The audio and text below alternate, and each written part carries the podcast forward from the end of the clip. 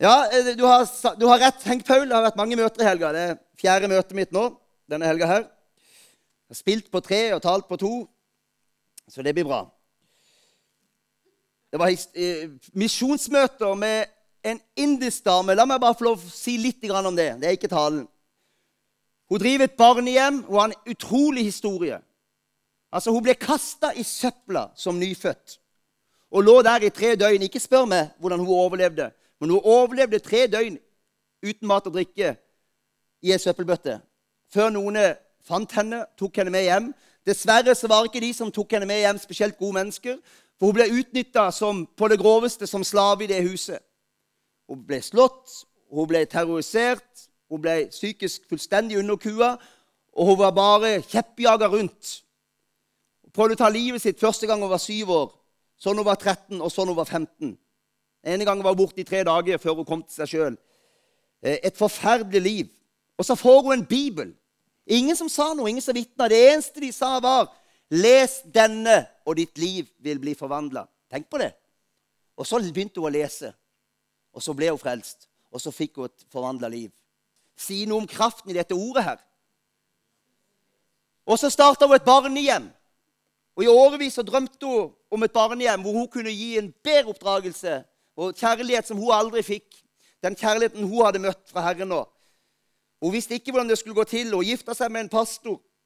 Hun turte nesten ikke nevne det. Hun var det hjertet i årevis. Og En dag så kom en far inn med to barn som han etterlot. Han kom aldri igjen. Og så visste hun nå er det mitt øyeblikk.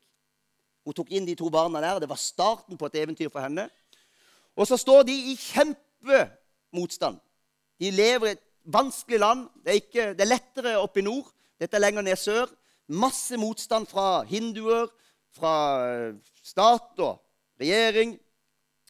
Og så er det så sterkt å møte sånne folk som bare De har noe i seg som bare ikke vil gi opp. Åkke som. Altså, Det rører meg veldig sterkt. Det var en kjempepreken i går. Og Hun forteller om denne statuen som de hadde reist. De bodde i et hus, holdt jeg på å si. Det gjør jo de fleste. Eh, men rett på utsida av huset hadde de en liten park. Og der hadde de reist en statue til ære for en eller annen hindu-gud. De har jo 3000 stykk, så hvem det var, det vet jeg ikke. Og disse er jo skikkelig sånne trosmennesker. vet du, Bønn og faste mennesker. Og Hun hadde altså proklamert at nei, dette området skulle tilhøre Jesus Kristus. Det var hennes gate, det var hennes park. Det skulle tilhøre Herren. Så de begynte, vet du, bare sånn som asiatere Øystein, du vet hvordan det er. Eh, Sånn som de begynte vet du, å smøre blodsbeskyttelse. Ikke sånn fysisk, da, men i bønn. Hver dag. Morgen, ettermiddag, kveld og nattestid. Kalte sammen masse kristne folk. De ville jo ikke det, da, men de tvang de mer eller mindre. hørtes det ut som. Eh, og de kjempa og de kjempa. Og de smørte blodets beskyttelse over denne statuen her og proklamerte om at dette området tilhører Jesus Kristus og ikke en, eh, ikke en annen gud. En dag kommer de ut, vet du, da har jo hele, hele hodet brekt av på statuen. Eh, og de har ikke vært borti han, men eh, de skjønner jo hvem som har vært på ferde. Og det blir jo rabalder, selvfølgelig. Stor oppstandelse. Så de bygger en ny en, en enda større. Og da blir de litt sånn forvirra. Her har de fått et kraftig bønnesvar, og så bygger de bare enda en større og fundamentert den godt vet du, med ordentlig betong. Og sånn. Men disse folka vet du, de gir jo aldri opp. Igjen bønn og faste og proklamasjoner. Og igjen så datt hodet av. Og de kunne jo ikke forstå det, det her, disse indiske folkene. Og det endte altså med Det her varte i tre måneders tid. Det kom i media, det kom i nyhetene. Eh, de bygde et helt tempel til slutt. De bare bygde det større og større. Det ble jo egentlig vanskeligere og vanskeligere. Og De bygde et helt tempel, og det var ringeklokke der, og det var statue. Og de innsatte politifolk som, som bevokta den døgnet rundt. Og det sto en politifyr, holdt jeg på å si, en politimann, rett på utsida av døra deres. For de ante jo at det var noe fra det huset der. For de visste at der drev de og ba. Og de tenkte, nå så det helt håpløst ut. Og En dag de kommer ut, så lå hele greia i grus. Alt hadde rast sammen. De hadde bygd det så sterkt som ikke skulle være mulig. Og politifolka sa det at vi var der hele tiden, og vi har ingen idé om hvordan det her kunne falle sammen. Men det gjorde det. Og jeg må si, Hvorfor sier jeg det her? Jo, for det rører meg. Ikke bare pga. en historie, men det rører meg å møte folk som lever under de verste forhold, som blir så tyrannisert og så plagd, som har så lite penger, som har så lite inngang i det menneskelige i landet de bor i. Og allikevel så har de fått tak i noe som er så sterkt at de aldri vil gi opp. Og jeg blir jo skamfull på egne vegne av og til når vi står i et eller annet småtteri og syns det går treigt og syns det er vanskelig og syns det er vanskelig. Og så får du høre fra sånne liv. De har grepet noe, de har sett noe av kraften i evangeliet, kraften i bønnen, som er voldsom. Og så er de der at de nekter på en måte og bare De går ikke med på alt. Vi resignerer jo så lett. Vi går jo med på alt. Ja, nå ble det sånn, og det får vi ikke gjort noe med. Nei, de lever ikke der. De, de har skjønt at de er ikke hale, men de er hode. De har skjønt at sterkere er Han som er i meg, enn Han som er i verden. Og Hun sa det at vi må ned på det kontoret i byen. Det er et stress uten like. Å fornye avtalen om å få lov til å holde barnehjem. På ny og på ny må vi gjøre det. Det er bare for å plage oss. Og hver gang jeg kommer der i kontorskranka som en kristen, for det vet de, vi driver kristent barnehjem, så ser de på meg som søppel. Rett ut som søppel, sier hun. Ingen av oss har vært i nærheten av å bli sett på på den måten som de blir sett på der. Og Der har de liksom kastesystemet fra før, så de er vant til å gradere mennesker. Og disse ligger totalt på bunnen. I avskum. Og hun sa det Vi hadde gitt opp for lenge siden. Hvis ikke vi hadde dette i oss, at vi visste hvem vi tilhørte. Vi hadde vår identitet i Kristus. Vi visste det at om du ser på meg som søppel, så er jeg elska av min far i himmelen, sa hun. Det er sterkt, det. De har møtt noe, de har sett noe. Og det er noe for oss å strekke oss etter. Nå må jeg komme i gang. Innledning. Men du var med. Det henger litt sammen med det jeg skal si, men ikke helt. Jeg måtte bare ta det med. Apostelens gjerninger 10, vers 9. Vi skal lese. Dagen etter, mens de var på reise dit og nærmet seg byen, gikk Peter opp på hustaket for å be. Det var omkring den sjette time. Da ble han sulten og ville spise. Det er kjempeartig. Syns det er kjempeartig. Det er ikke kanskje veldig sterkt, men det er veldig gøy. Han går, han går, opp i den sjette time for å be. Altså, Bibelen er en så herlig, befriende, ærlig og åpen bok. For det er klart at Hvis jeg hadde gjort det samme og liksom, nå skal vi be, og nå skal vi innta, og så holdt jeg ikke ut mer enn i to minutter for jeg var sulten Det var ikke det jeg begynte møtet med å si. Men Bibelen er bare så ærlig. Den forteller om nederlagene fra alle de store heltene. Den forteller ekte og ærlig om livet, også for apostlene, de som sto i de sterke tingene. Og Det virker jo nesten som han ikke fikk bedt en bønn her. Gikk Peter opp på hustaket for å be. Det var omkring den sjette time. Da ble han sulten. Står ingenting om at han fikk bedt en gang. Men vi regner med han fikk bedt noe. Vi satser på at han fikk bedt. Men det var antagelig ikke noen store åpenbarelser som kom under den bønnen der. For han ble plutselig sulten. Har du opplevd det? ikke det er rart hvor sulten du skal bli når du først skal be? Det er veldig snodig.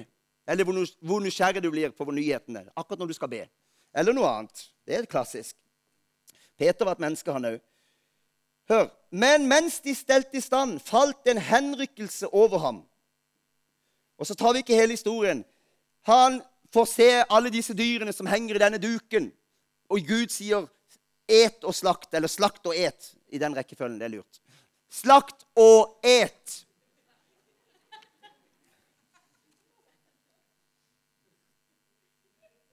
Det er jo veldig rart at ikke han fikk det bildet under bønnen. Syns du ikke det? Det er jo Da liksom, han, han var jo, da var han jo innenfor Gud. Det var jo da Gud skulle kommet. Men det gjorde han altså ikke. Han var såpass kjødelig at han ble sulten og gikk og spiste. Og jeg syns det sier mye om Gud. For hør. Bildet var jo knytta til faktisk å slakte og ete. Og kanskje sto han akkurat i samme øyeblikk og skar opp noe kjøtt eller skar opp noe brød. Eller fisk. Og kanskje var det lettere for Gud å komme igjennom med et bilde som for, for ham var så fjernt og så fremmed at han ikke kunne forstå det. Det var dyr som han verken ville spise eller være i kontakt med. Og det skulle Gud vise ham. Det var ikke noe han ønska å se. Det var ikke noe han ønska å komme i kontakt med engang. Men kanskje Gud trengte at han sto der og skar i et eller annet kjøtt. Det var lettere for han å komme igjennom. Du vet, Når du har tent ditt andagslys, Hvis du gjør det, da. Og du har lest morgenandakten, og du har rensa ditt hjerte, og du har bedt gjennom bønnelista di, og så sier du 'Herretal'. Har du gjort det noen gang? Kommer ingenting. Ingenting. Dørgende stille. Ole Georg ler, for han kjenner det igjen. Og du anstrenger deg enda mer. Herre tal. Ja, men nå har jeg gjort alt rett, Gud. Jeg har lest, jeg har tent lys. Ja, Det gjør ikke vi er ikke så fromme, da. Jeg har lest, og jeg har eh, bedt alle mine bønner. Nå er jeg klar. Og jeg har rensa mitt hjerte òg. Det er jo viktig. Tal, Herre. Kom ingenting. Men plutselig seinere samme dag, når du minst venter det, så treffer du noen andre som kommer med et ord til deg. Og så blir du truffet. Eller du ser noe, eller du hører noe, eller du leser noe. Gud kommer når du minst aner det. Han er ingen colaautomat. Det er ikke så lett å bare bestille. Han kommer når han sjøl vil, og han kommer når han kan connecte noe som han vil si til deg, gjennom et eller annet. Ofte når du ser noe, hører noe eller kobler noe sammen. Det er jo han som har skapt oss. Han kjenner oss jo. Så ikke vær så veldig Ikke bli så religiøs at du låser Gud og tror at han må komme akkurat da eller akkurat sånn på ditt vis når du er klar. Bare vær klar hele tida. Og la han få komme akkurat når han vil. Der passer det fint med et amen. Miriam hun, når hun skal preke, så må hun gå og løpe en tur. Med lovsang på ørene. Da får hun prekenene sine. Jeg gjør jo ikke det. Jeg får ingenting annet enn blodsmak i, i munnen og, og angrer hele turen på at jeg satte i gang. Gud er ikke religiøs som er det. Kan fort bli. Vi blir religiøse, skjønner du. Vi lager systemer og tror at sånn og sånn må det være for at Gud skal få virke. Gud er suveren. Han gjør som han vil. Han virker på de forunderligste vis. Jeg, jeg kjenner en kirkeleder fra den anglikanske kirke som står i veldig sterke vekkelser. Superkarismatiske folk. Han var med på et seminar. Eh, eller De sto foran der, en hel gjeng med kirkeledere og skulle profetere over folk som kom frem. Og der kom ei fram. og pastorkone. Og så får han ingenting. Og så får han bare én setning, og han tenker det kan jeg bare ikke si. Det kan ikke være fra Gud. Det var en strofe fra gruppa ABBA. Husker dere de? You can dance, you can sing. Og han tenkte det kan ikke komme fra meg. Nei, fra Gud, altså. Det må komme fra meg sjøl. Gud følger ikke med på sånt. ABBA sine sangtekster. Men han var lydig. Var villig til å ofre sin egen ære, holdt jeg på å si. Og han sa jeg har får bare ett ord. You can dance, you can sing. Og kvinnen gråter ut. Gråter ikke gråt, men hun brast ut i gråt og gleda seg. For hun hadde gått lenge og følt på at hun ville starte en lovsangsgruppe i menigheten. Men hun var i en konservativ forsamling. Hun visste ikke om det var rett, hun visste ikke om hun tørte, Hun venta på et ord fra Herren. Og så bruker altså Herren en tekst fra den verdslige gruppa ABBA. You can dance, you can sing. Han er ikke religiøs Gud. Sånn som vi blir. Jeg syns det er veldig flott. Jeg tror at Gud satt der oppe. Og jeg tror han syntes det var litt gøy. Og jeg tror han tenkte jeg lurer på om jeg skal klare å få han til å si det der. Ja, det mener jeg. Det mener jeg faktisk. Jeg lurer på om jeg skal klare han få til å si han, altså, Hvis jeg pakker det inn i noe flott, ja, da får alle sagt det. Men vil han være lydig til og med der, hvor han tror at det her må komme fra meg sjøl? Og så var han det. Og så var det fra Gud. Du kan bli overraska hva Gud kan bruke deg til. Alt handler om å lyde Ånden i alt. Det er det talen handler om. Det handler om å lyde Ånden. Det, det handler om å være opptatt av Gud, hva vil du? Hva taler du? Framfor egentlig noe annet. Også når vi ikke skjønner hele tegninga, når ikke vi forstår hele bildet, så er vi villige til å gå når han taler. Til og med når vi ikke ser hele veien. Hvis du skal til Oslo, så er det vel mye forlangt hvis du skal kjøre en kveld, da, så er det vel mye forlangt at du skal se hele veien til Oslo før du legger i veien. Du ser bare de 100 meterne som lysene rekker. Du vet ikke hva som er rundt neste sving, men du legger i vei, og så åpenbares det etter hvert. Og det er en nøkkel for et liv med Kristus. Det er å leve i tro, lyde Ånden. Du får aldri en ferdig skisse. Jeg har nesten aldri opplevd at noen får. Man får det skritt for skritt. Den hellige ånd og vi har besluttet. Den syns jeg er fin. Det er godt ikke står 'vi og Den hellige ånd', men det står 'Den hellige ånd', og vi har beslutta Apostlenes gjerninger 1528. De var kommet sammen for å snakke om egentlig veldig vanskelige saker i forhold til mat og jødiske forskrifter. For noen hang fremdeles i de gamle greiene i loven. Men selv om de kom sammen, så vil du se at åndens ledelse er helt sentral. Den hellige ånd og vi har beslutta. Det var ikke bare vi har beslutta.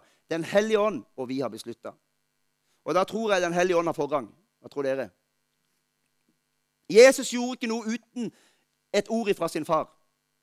Han er vårt forbilde. Jeg bare legger det her som et bakteppe. Hør, vi har fått gaver, vi har fått talenter, vi har fått hode og intellekt i forskjellig grad, selvfølgelig. Eh, men alle har vi jo fått noe. Men hør! Du er òg Hank Paul. Men uansett hvor smart du måtte være, om du var den smarteste på jord i forhold til Guds visdom, så kommer du ikke langt. Ingen av oss kommer langt. Philip han sto i vekkelse i Samaria, som han bare drømmer om, egentlig. Tegn, under, mirakler, mennesker frelst. Han var midt i smørøyet. Og så kaller Herren på han og sier, 'Reis ut midt i ødemarka.' Det skjedde ingen verdens ting der. Det var helt dødt. Det var ikke et menneske der, antagelig. Der skulle han være, liksom. Borte fra alt. Det fantes ingen sunn fornuft. Og jeg ville jo protestert med alt jeg hadde og sagt nei, men det er jo her det skjer, Gud. Nå er det jo brøtet løs her. Nå står vi jo midt i vekkelsen. Skal du sende meg ut i ødemarka for? Gud var villig til å ta han bort ifra midt i smørøyet, ut i ødemarken, for ett menneske, den etiopiske hoffmannen, som igjen kom til å påvirke farao og Egypt. For Han var høyt oppe i systemet. Gud har en plan, og han har en langsiktig plan, og vi ser ikke alltid den planen. Og hvis ikke vi kobler på og lærer oss til å lytte oss inn på åndens stemme, selv når vi syns at ja, men det her virker rart, og det her forstår jeg ikke, og det her er ikke logisk, så går vi glipp av sånne åpne dører og undergjerninger gang på gang. Paulus han var smart, han var utdannet, han var sterk, han var visjonær, han var målretta. Og Gud tok i bruk alle gavene hans. Selvfølgelig. Men framfor alle gavene han hadde som personlighet, så var det én ting som du vil se i hele apostelens gjerninger, som var gjennomgående. Det var Den hellige ånds ledelse. Det kom som nummer én i hans liv. Han hadde mer enn nok ressurser å spille på til å kunne bygge hva som helst. Men Helligånds ledelse er nummer én. Ja, men han starta jo på overnaturlig vis, hele greia. Du kjenner historien. Han fikk det inn i blodet helt fra starten av, dette med Guds overnaturlige inngripen og Herrens ledelse. Ananias ble kalt fra Herren på et syn, kommer til han. Han blir får både et sterkt ord å leve på og virke på, og han blir helbreda. Hvilken start for en tjeneste! Han var jo ikke i tvil. Han er et utvalgt redskap for meg, sa Ananias. Det er ikke rart det står at straks forkynte han Kristus i synagogene. Han var jo ikke frelst mer enn noen dager før han begynte å forkynne. Det er jo spesielt. Hva vil du, Gud, hva har du for meg? Hva har du for oss?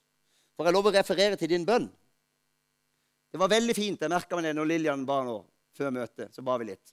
Og så sier hun, 'Herre' Hva du sa for noe? 'Herre, om du ønsker at vi skal gjøre det annerledes enn det vi har tenkt', så må du bare hviske det til oss, så skal vi legge om. Er det fint? Det er det det handler om. Åndens ledelse. Hva har vi uten det? Hva har vi uten den overnaturlige ledelsen av Den hellige ånd? Vi har ingenting. Da har vi et menneskeverk. Da har vi bare en ytre struktur som hvem som helst kan få til. Det er mange der ute i verden som har bygd mye større ting enn vi har bygd til nå. Bare i det menneskelige. Men vi lengter etter en dimensjon av denne her åndens ledelse som gjør at når du catcher det, og når du handler på det, så er det noe som forløses på overnaturlig vis. Du skjønner at 'Oi, her var Gud inne i bildet'. Jeg lengter etter å drive på den måten som gjør at jeg er ikke i tvil. Det her kunne ikke jeg ha fått til. Det her var ikke noe jeg kunne ha uttenkt. Det her er ikke noe som har med mine gaver å gjøre. Ja, han bruker mine gaver, men du kan nesten tre tilbake, og så ser du Gud begynner å virke. Å, det lengter vi etter. Eller er det bare meg? Så begynner Gud å virke, og så begynner vi å miste kontroll. Vi vet ikke helt hva som skjer, vi vet ikke hvor vi er på vei. Men vi merker at Ånden gjør noe. Da er det ikke noe tvil. Da kan jeg ikke ta ære for noe som helst. Jeg kan bare stille meg tilbake og si 'Vær så god, Helligånd'. Nå får du ta over her. Du er jo godt i gang allerede. Det gleder jeg meg til. Og det tror jeg på. Hva vil du, Gud? Hvordan skal det gå til? Og Hvis du tror jeg har svaret på det, så har jeg jo ikke det. Det har jeg ikke. Men jeg lengter, og jeg søker. Det er ikke et svar man bare kan bestille på to sekunder fra Gud. La meg få lov å være ærlig med deg. Det trenger ikke alltid være det vi tror. Det trenger ikke være alltid det mest nærliggende. Det trenger ikke alltid være det mest fornuftige engang. Men det krever tid, og det krever innvielse, og det krever lydhørhet for Den hellige ånd å stille seg inn og få tak i hva Gud vil. Ofte så får man det gjennom indre fred og ufred. Har dere kjent det? Du vet ikke hvorfor av og til i noen situasjoner, men du klarer liksom ikke å kjenne denne gode freden om at det er riktig å gjøre sånn eller sånn.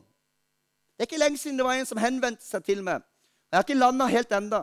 I forhold til egentlig et veldig veldig bra initiativ i forhold til en, en måte å ta inn noen penger til misjon på. Eh, og umiddelbart så tenkte jeg yes, det er kjempebra. For det var veldig klokt, og det var veldig bra. Men så klarer jeg ikke helt å få fred for det. Og ettersom ukene går, så, så krasjer det mellom her og her. For jeg tenker det er jo veldig lurt og det er veldig smart og det er veldig sjenerøst av vedkommende å tilby seg det. Men jeg kjenner her inne jeg får ikke fred for det. Og Da hjelper det ikke om det er smart, om det er lurt. Da kan jeg ikke gjøre det. Og Der vil vi leve, og der levde gutta. Det er derfor vi går her hele uka og ber. Vi har ingen bønnelister. Og Det er ikke noe galt med bønnelister, men for oss som går her sammen som lederskap, så handler det mest om alt å være connecta med hverandre og med Han. Sånn at vi blir i stand til å høre og kjenne og motta og sanse når Herren taler. For det er ikke bare sånn. Hvis man springer beina av seg hele tida, så er det ikke alltid like lett. Nei, vi må sette av tid. Og den dimensjonen vil jeg få lov til å være så frimodig og løfte fram i kveld. Går det bra? Bønn, søke, høre og lyde. Jeg ble spurt om å drifte Det var noe som het, var det Hangout det heter? På lørdagskveldene. De hadde sånn treff en gang i måneden. Så de, de møttes her, en gjeng. Veldig fint eh, opplegg. Eh, hvor de var en gang i måneden sammen en liten gruppe og spiste litt og sang litt og ba litt. og sånn. Og det var egentlig det som jeg ble spurt om å ta videre. Husker du det, Sigbjørn? Nei. Du er formann, du vil vite det her. Og hør! Jeg skal dele litt personlig med dere. Jeg sa ja med en gang, for jeg visste at mitt liv er kald, og det er tjeneste, og jeg ønsker å være i tjeneste, og jeg trenger jobb. Jeg hadde ingen jobb. Og tjeneste er kallet mitt. Men etter kort tid i bønn så begynte jeg å kjenne at nei, men det er ikke det som bor i mitt hjerte. Og jeg tror ikke det er det vi skal gjøre. Det er noe annet. Og det er ikke så lett, sånne ting, når du er kjøpt og betalt. For det er man jo når man er ansatt. Men så var jeg likevel frimodig og delte hva som hadde kommet opp. Og det som kom opp, det var Fokus 19. Og hele visjonen bak det, og tenkninga bak det. Eh, og jeg tror fremdeles at det var Guds vilje. Og jeg tror Fokus 17 er Guds vilje. For det ligger noe der som forløser oss. Eh, men det er vanskelig mange ganger. Men vi kan ikke bare være behovsstyrt. Vi må være styrt av Den hellige ånd. Og vi må være frimodige med hverandre. Jeg reiste til Bodø, det vet dere jo. Miriam, du reiste òg, hvis du har glemt det. Kanskje du har fortrengt det. Tøffe år. Og før jeg reiste, så reiste jeg for å prøvepreke. Det er jo så tåpelig navn. Prøvepreke. Men man kaller det jo det. I pinsemenigheten i Bodø. Jeg deler litt fritt i dag. Og jeg var der fra torsdag til søndag. Vi hadde møte hver dag. Det var flotte møter, og folk ble frelst, og folk møtte Gud, og masse betjening. De var fornøyd. Og de var jo karismatiske, vet du. Det var pinsevenner, så de var ikke vanskelig å be, de. Det var veldig løft, og det var veldig artig og sterkt. Og de ville gjerne ha meg der, virka det som. Og jeg, vi skulle til Bodø. Det hadde vi bestemt oss for. Og jeg trengte en jobb. Men jeg kjente ikke fred. Det er ikke der du skal være, Geir. Hva gjør du da? Du må jo ha en innkom. Du må jo ha penger. Nei, men jeg kunne ikke ta imot det. Det hadde vært det letteste og det tryggeste og det beste å gjøre, men jeg kjente det var ikke rett. Så vi reiste opp dit begge to uten jobb. Det er jo galskap. Jeg tror ikke du hadde jobb. Jeg hadde ikke jobb. Ingen av oss hadde jobb. Vi kjøpte et hus vi ikke hadde sett, som vi bare kjøpte. Jeg tror vi skulle dit. Vi kommer litt raskere hjem enn vi hadde tenkt. Men vi skulle opp, og vi gjorde noe der oppe som var viktig. Men det endte med at jeg sa nei til det, og så reiste vi allikevel. Så ble jeg ansatt i Frikirka der oppe. Hadde en kamerat der i en 50% stilling. Noen dager etter at de bestemte i styret at ok, vi går for det her, så landa det 100 000 i postkassa deres. I kontanter. Landa faktisk i feil postkasse. En annen historie. Jeg landa i postkassa til naboen. Men det var heldigvis noen ærlige naboer som skjønte det var til kirka. du får pekepinn om at OK, da var det ikke det. Da var det rett det da, Gud. Det er der vi vil leve. Jeg tror vi kan leve sånn som menighet òg. Ikke bare som min historie enkeltindivider. Vi kan leve der som menighet. Og Så starta vi et felles ungdomsarbeid i byen. Hvor man ikke hadde klart å samle Det har ingenting med meg å gjøre, det her. bare så det er sagt. Man hadde ikke klart å samle mer enn 20 ungdommer, og man tilkalte Jesus Revolution og konserter. Ingen kom! Øystein, du var der. Det var 400 mennesker der med Asia Link, husker du? Da var det fullt. Eh, men ellers så kom det aldri noen. Og så samla vi alle lederne fra de forskjellige menighetene. De var bare en håndfull her og der. Og vi handla i tro. Det var ingenting som tilsa. Og jeg fikk høre med en gang ja, men her kommer det ikke folk. Vi har prøvd alt. Men når du får et ord ifra Herren, en indre innskytelse, en overbevisning, noe å strekke seg etter, noe å gå på, da kan du få nummer én du kan ikke gjøre noe annet. Om noen vil betale deg for å gjøre noe annet, så kan du ikke engang gjøre det. For det blir verken fugl eller fisk. Men når du lyder det du har fått, så er det noe som slår til i den åndelige verden. Og det var folk der altså Det høres ikke mye ut, men det var 50 stykk der fra første gang. Og i Bodø var det eksepsjonelt. Det hadde ikke vært samla så mye folk på 30 år. Altså ungdommer. Det hadde ikke noe med meg å gjøre. Det hadde noe med Guds time å gjøre. Det hadde noe med Guds time å gjøre. Og jeg tenker, Hadde jeg ikke gjort det, da, hadde jeg tatt imot den andre jobben, hva hadde skjedd da? Da hadde ikke det arbeidet blitt noe av. Og Noen av de har blitt ledere i dag, og noen av de ble, mange ble frelst. Det var mye fine ting som skjedde. Hvor vil jeg med alt det her? Hør, hans tanker er mye høyere enn våre tanker. Vi ser stykkevis og delt, sier Paulus.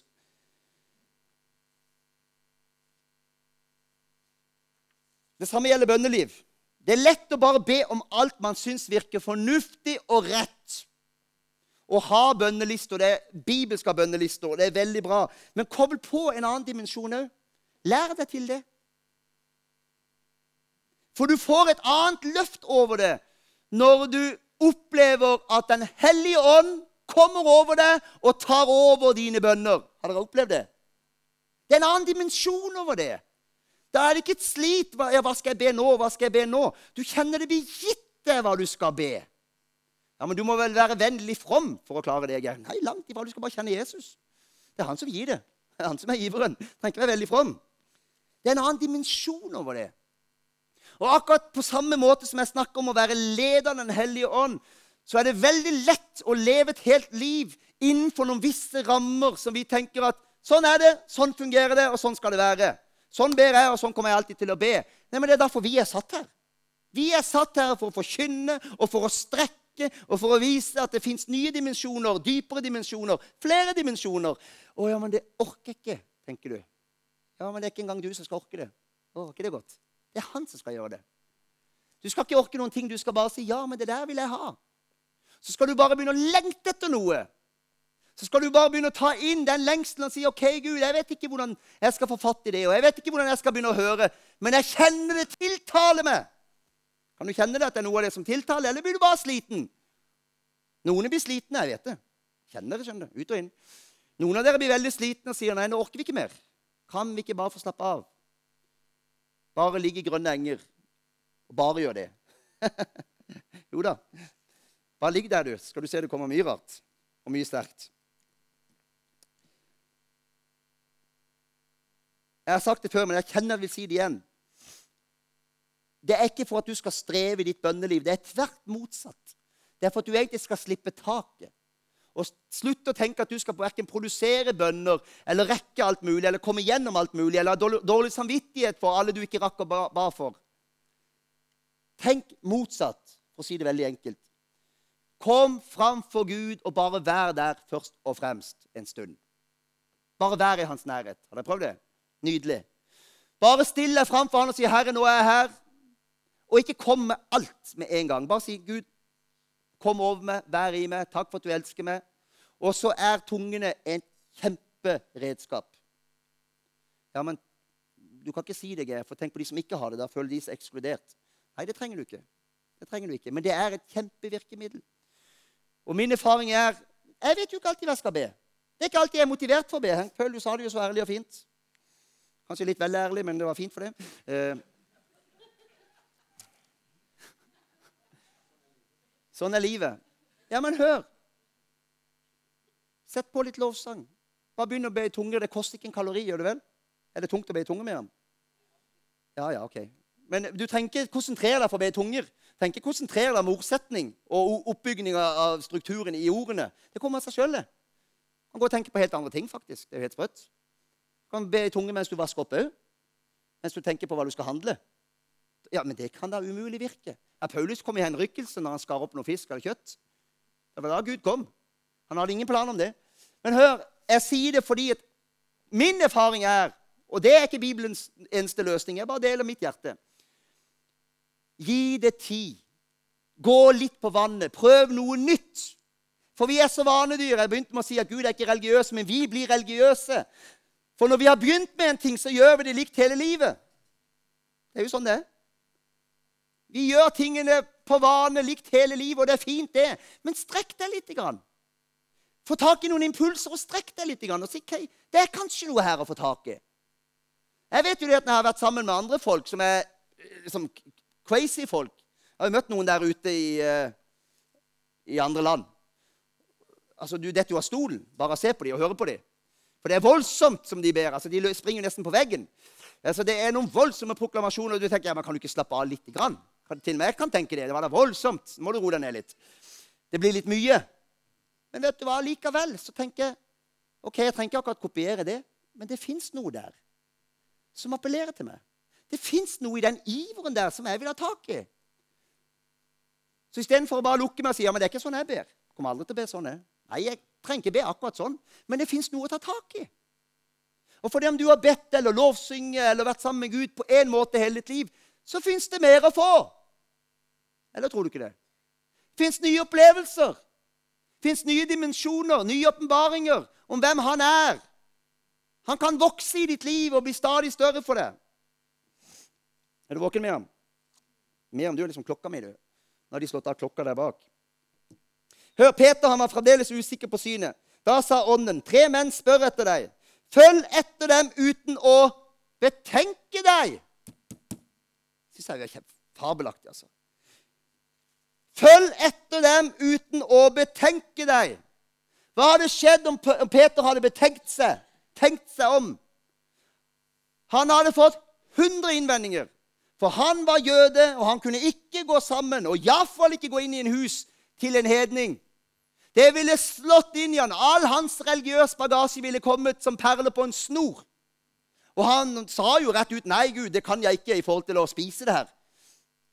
Han var prega av sin fortid. Uten å betenke deg, står det. Er det nøkkel for oss av og til? Ja, men Skal vi ikke tenke oss om? Jo, selvfølgelig skal vi tenke oss om. Men hvis du kjenner Guds innskytelse på noe, så burde du ikke tenke deg om altfor lenge. For hvis du tenker deg om altfor lenge, så er det borte vekk. Da har du tenkt det i hjel. Da har Ja, Mari, nå må du le. Bare slipp det løs, Mari. Kom igjen. Slipp gleden løs nå. Få det ut! Få det ut! Ikke hold igjen. Nå blir det verre og verre. Kan noen gi henne et håndkle? Det renner nå. Nei da. Han jeg har bare lyst til å si det, han var lydig. Han forsto ikke bildet. Han forsto verken bildet med duken, eh, han forsto ikke hva han gikk til.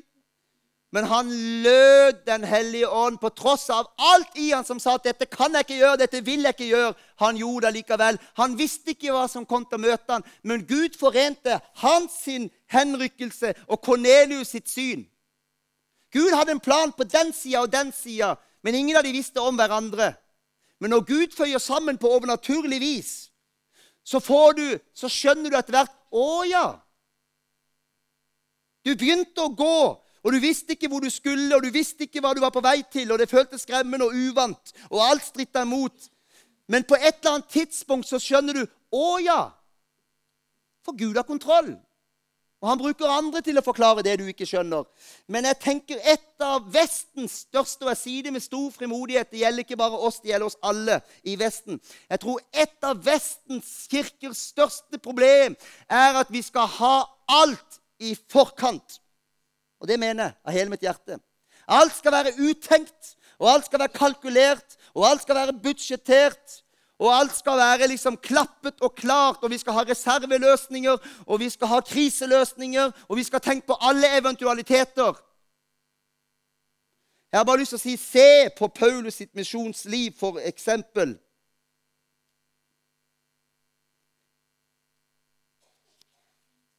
Du hadde blitt kjempestressa og meg sammen med Paulus på tur. Du òg, Kristine. Du liker jo litt orden, du òg. Litt struktur. Og Jeg taler ikke imot struktur, jeg skal komme til det, men hør.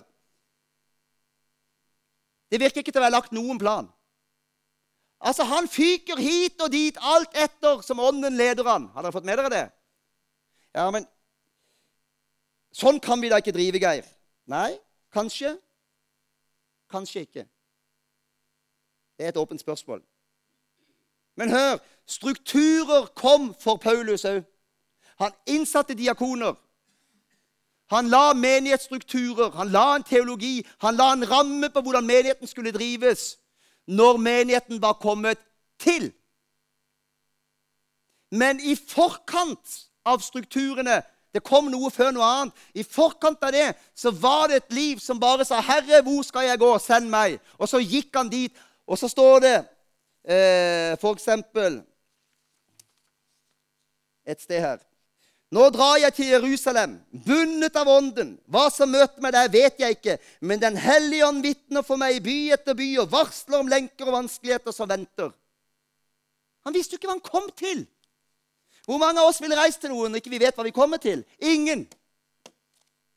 Jeg sier ikke at det er en fasit, men jeg tror det fins noen nøkler her. Og jeg har møtt så mange misjonærer øh, i Norge og i utlandet, eller folk som står i ting i Norge òg som sier det at 'jeg fikk noe fra Gud', og så handler jeg på det. Jeg hadde ingen idé om hvordan det skulle gå til. Men når jeg begynte å vandre, så ble det åpna dører for meg som ikke jeg kunne tenkt på engang. Som ikke jeg ante ville åpnes. Og dette mener jeg da er en meget bibelsk dimensjon over ethvert Kristusliv. Det går an å leve der som enkeltindivider. Og det går an å leve der som menighet. En gang de holdt gudstjeneste og fastet, sa Den hellige ånd, ta ut Barnabas og Silas for meg, så de kan gå til den oppgaven jeg har kalt dem til. Etter å ha fastet og bedt og lagt hendene på dem, sendte de dem av sted. Da de slik var blitt sendt ut av Den hellige ånd, dro de ja, dit og dit. Det er veldig interessant, men det var apostlene som la hendene på dem. Det var apostlene som fasta, og det var apostlene menneskelig sett som sendte de ut. Men Bibelen sier ikke at de ble sendt ut av apostlene engang. De ble sendt ut av hvem? Av Den hellige ånd.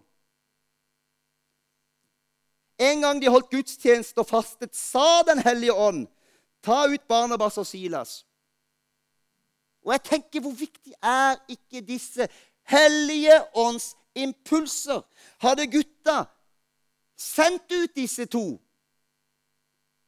automatisk, om det ikke hadde kommet en innskytelse fra Den hellige ånd. Disse skal sendes ut. Det går igjen i hele apostelens gjerninger. De er overgitt og, pri og prisgitt Den hellige ånds ledelse i smått og i stort. Ja, Det var da voldsomt, tenker du. Skal vi drive sånn? Ja, hvorfor ikke? Hvorfor ikke? Det blir veldig salig, det. Det blir veldig gøy òg. Fryktelig kaos, men uh, det liker vi jo. Den hellige ånd hindret dem i å forkynne ordet i Asia, står det. Har du lest det? Hvorfor skulle Den hellige ånd hindre ordet? Han vil jo at alle mennesker skal bli frelst, fordi Gud har en annen oversikt enn oss mennesker. Paulus krever ikke engang å få vite hvorfor han ikke fikk komme dit. Han innbefinner seg med en gang. Og Det er jo veldig interessant at de var bare mennesker, for de har antagelig prøvd å komme inn i Asia. da. Så de, de var litt der, de òg, at av og til så fikk de veldig klare instrukser. Og så handla de på det, så var det rett. Og andre ganger så virker det som om, om gutta de, liksom, de tenker det er fornuftig, det burde vi gjøre. Og så begynner de å gå, men så blir de stoppa av Den hellige ånd. Så lager de ikke noe nummer ut av det. tenker de, ja, men så greit. Da var det ikke dit vi skulle, da. Da de var i nærheten av Mysia, prøvde de å dra videre til Bitonia. Men ånden ga dem ikke lov. Så de prøvde altså, men de kom ikke inn. Jeg holdt på å si det er bedre å gjøre noe og bli sendt hjem igjen av Den hellige ånd. det er bedre å ta feil noen ganger enn å ikke gjøre noe i frykt for å ta feil. Siste historie. Jeg ser Miriam kikker på meg felt nå, så nå kikker jeg rett ned nå. Nei da. Hør, vi reiste med Inge. Nå skal jeg snart til Pakistan igjen. Nå kan jeg nevne det igjen. Vi var der et år. Og før jeg reiste, så ringte det en kvinne og sa at hun hadde fått et bilde.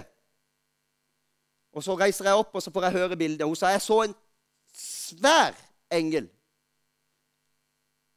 stå over dere omfavne dere. Hun, hun, så det så tydelig. Hun kunne til og med se de mørke hårene. Han var sikkert jøde, vet du. De har gjerne litt mørke hår. Så de mørke, muskuløse armene og hårene på armene. så Og han beskytta dere. Han var en svær, mandig, muskulær engel, sa hun. Og jeg tenkte ja, men så fint. Det var jo bra. Å ha med seg en engel på tur. Jeg har en engel som følger meg. Så da reiste vi på tur, da. Men hør. Det var den turen hvor vi opplevde mest dramatikk. Hvor vi kom ut for både drapstrusler og veisperring på en mørk vei og, og noe skyting. Og jeg satt og venta på når kommer den granaten og blåser oss til himmels. Men det er klart fordi Herren hadde gitt et ord i forkant. Tenk på det, For han visste jo at det kom til å skje. Så da kunne jeg vite det. Men jeg har jo fått et ord om denne engelen. Og på overnaturlig vis så kunne vi sitte der og tenke Absurde tanker, egentlig, for hun var litt kraftig, hun som satt ved siden av meg. Tenker, nei, Hun som satt ved siden av Inge, så tenk, tenkte Inge, du var heldig. For nå går han først gjennom henne, og der stopper han sikkert. Men på meg går han rett inn. Sånn er det. Man tenker mye rart. Men vi skulle vært dødsredde. Men på overnaturlig vis, for ellers hadde det vært det. Og fordi Herren hadde vært der i forkant og påminnet, så kunne man seg, støtte seg på det ordet. Jeg tenker at det her er en dimensjon for oss alle og hver av oss å strekke oss etter i vårt eget liv. I våre, alle har vi en tjeneste. Og som menighet er det noe å strekke seg etter. Hva sier Gud? Og så er det lov å bruke hodet, og vi skal ha struktur og vi skal ha orden. Enhver menighet må det. Men la dette være det overordna i alt vi gjør. Gud, hva vil du? Og la oss bruke tilsvarende tid på å søke Gud, søke Hans åsyn, søke Hans vilje, som vi bruker på alt mulig annet. Tro meg, jeg er helt overbevist. Ting kan eksplodere. Sant, Tankvel? Kom, lovsanger. Holdt jeg sikker på lenge, men det brant litt i hjertet mitt i dag. Hørte du det? Hang du med? Ble det for voldsomt for deg? Takk. Hvis du er fornøyd, Bjørn, da er alt greit.